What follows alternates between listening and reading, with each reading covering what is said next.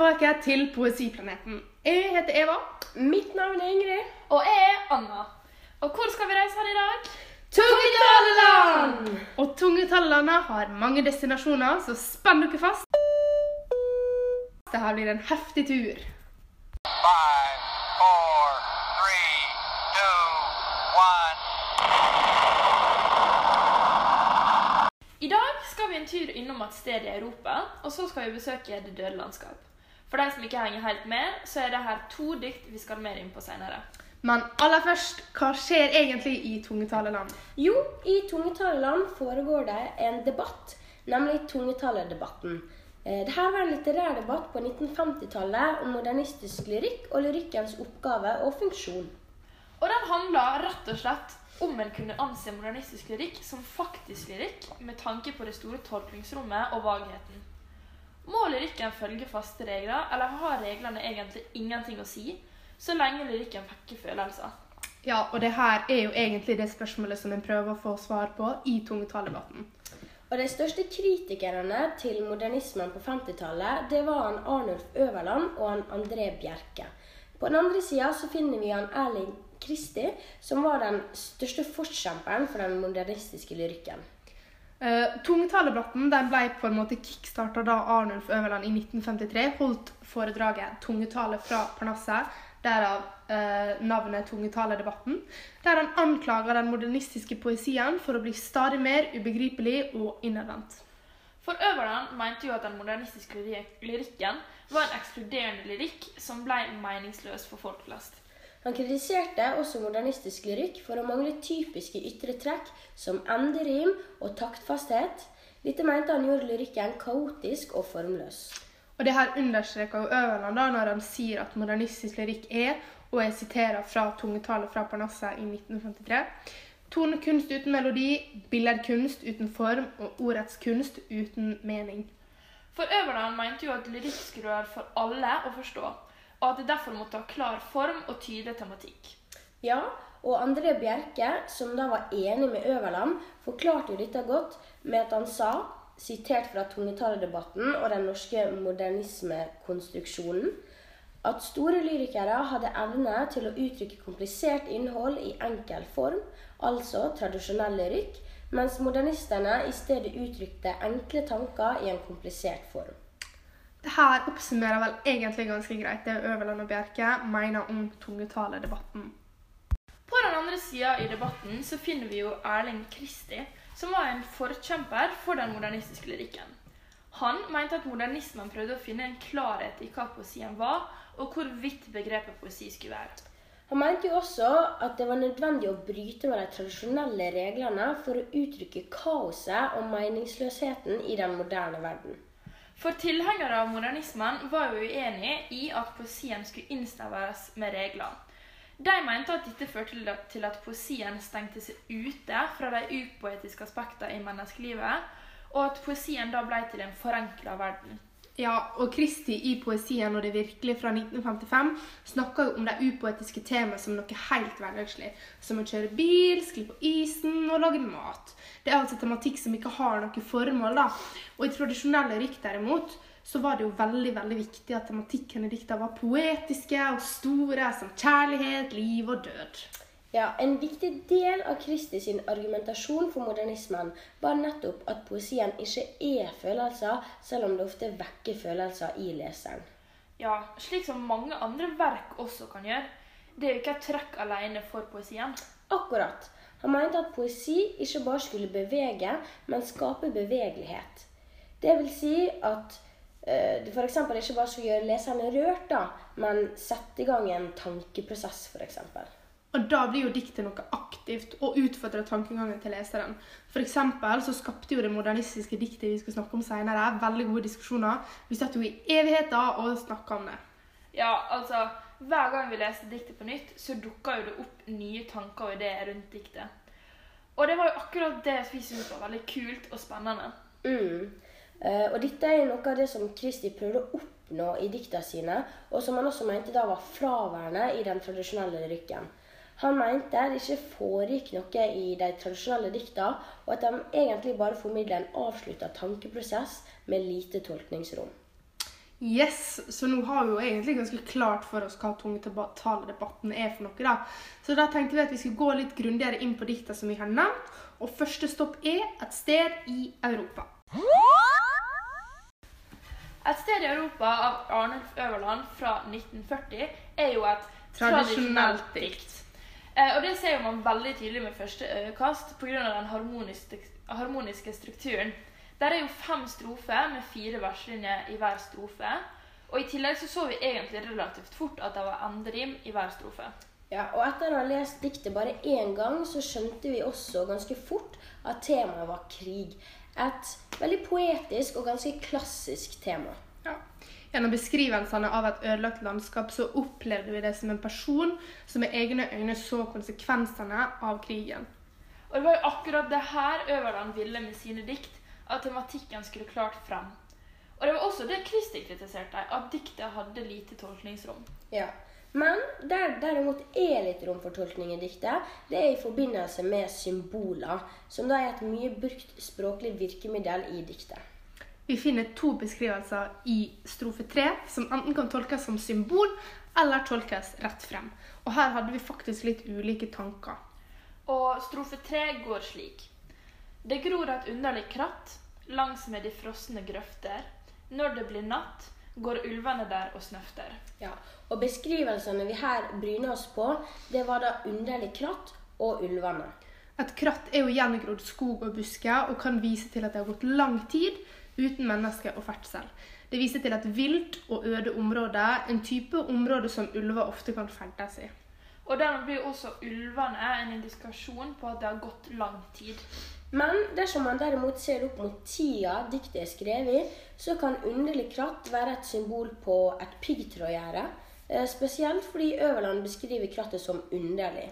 I tillegg kan en gjerne da se på ulvene som et symbol på fienden, kanskje tyskerne, ettersom diktet handler om krig. Hadde Øverland f.eks.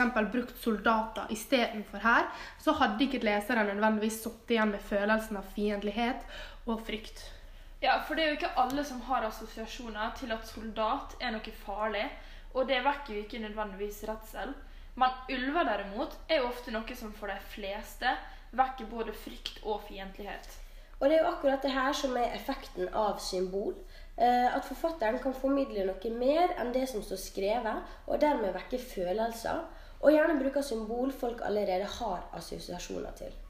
Noe som er typisk for tradisjonell lyrikk, er jo at disse symbolene er universelle symbol, og det ser vi jo i dette diktet også.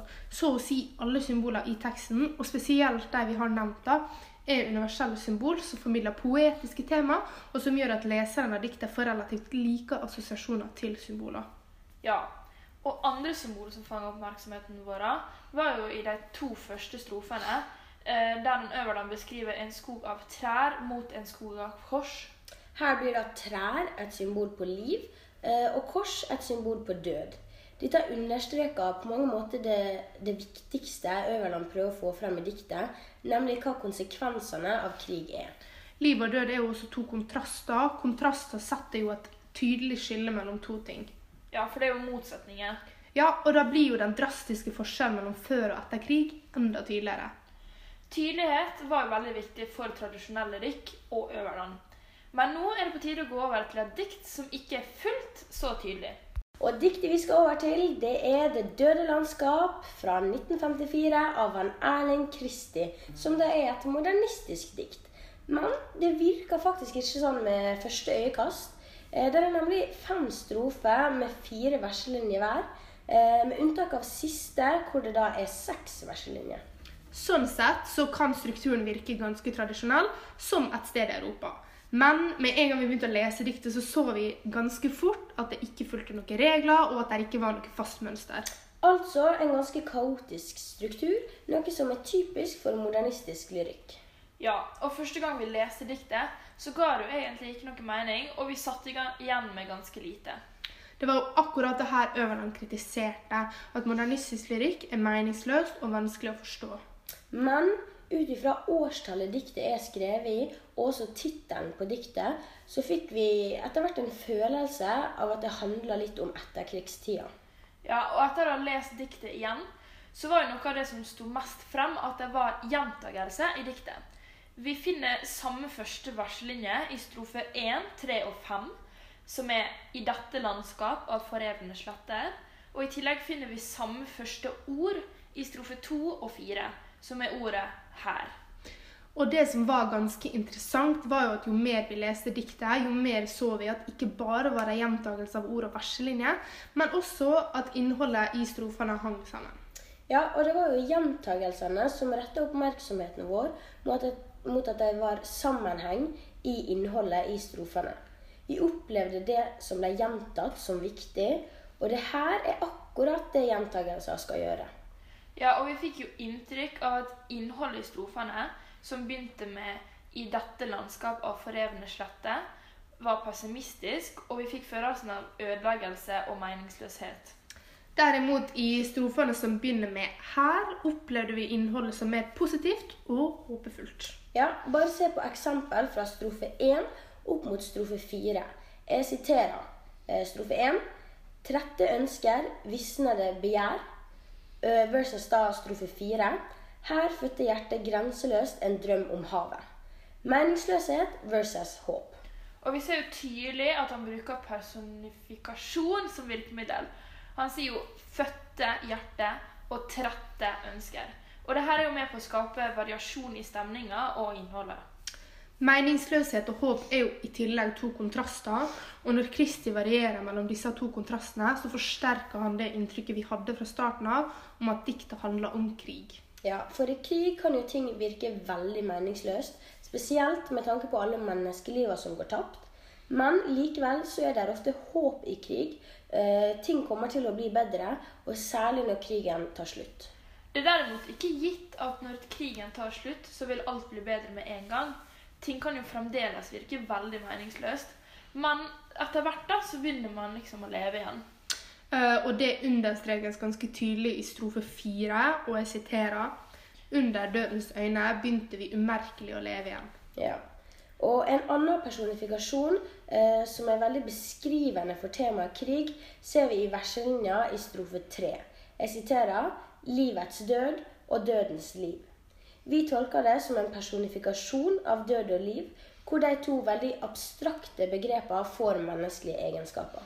Sjøl hvor absurd det høres ut, da, så får livet og døden i diktet egenskapene til liv og død.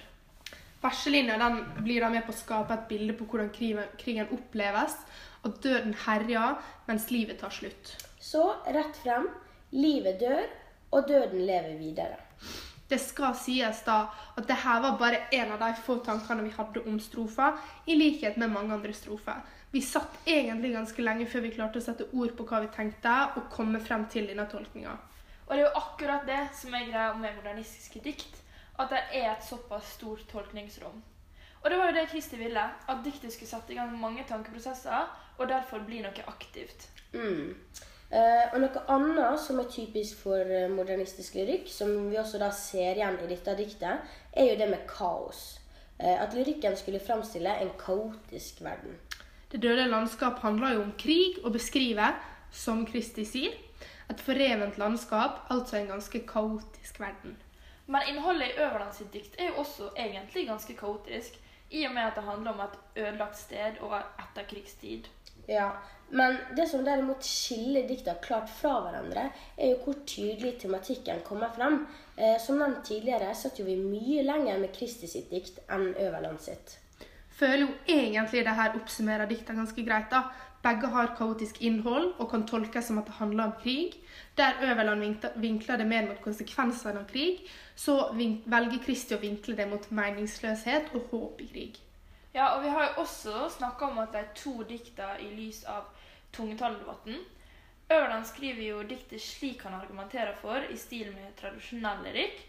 Det at tematikken kommer klart fram, der er enkel struktur, og der er meningsfullt innhold. Ja, Og Kristi skriver jo også sånn som han argumenterer for, som da er en modernistisk lyriker. Eh, Et aktivt dikt som setter i gang tankeprosesser og diskusjoner. Så det er jo ganske tydelig at de to representerer hver sin side i tungetalldebatten og har hver sitt syn på hva poesi er, og hva poesi skal være. Nå som vi har hatt et godt stopp innom tungetaleland er det klart for avreise og et nytt reisemål. Neste uke skal vi hoppe fram til vår tid, og reisa går videre til Someland. Og vi skal se på fenomenet instapoesi. For hvis Ørland var skeptisk til Kristi, hva tror du han hadde tenkt om små, uhøytidelige dikt på Instagram? Følg med og se neste uke!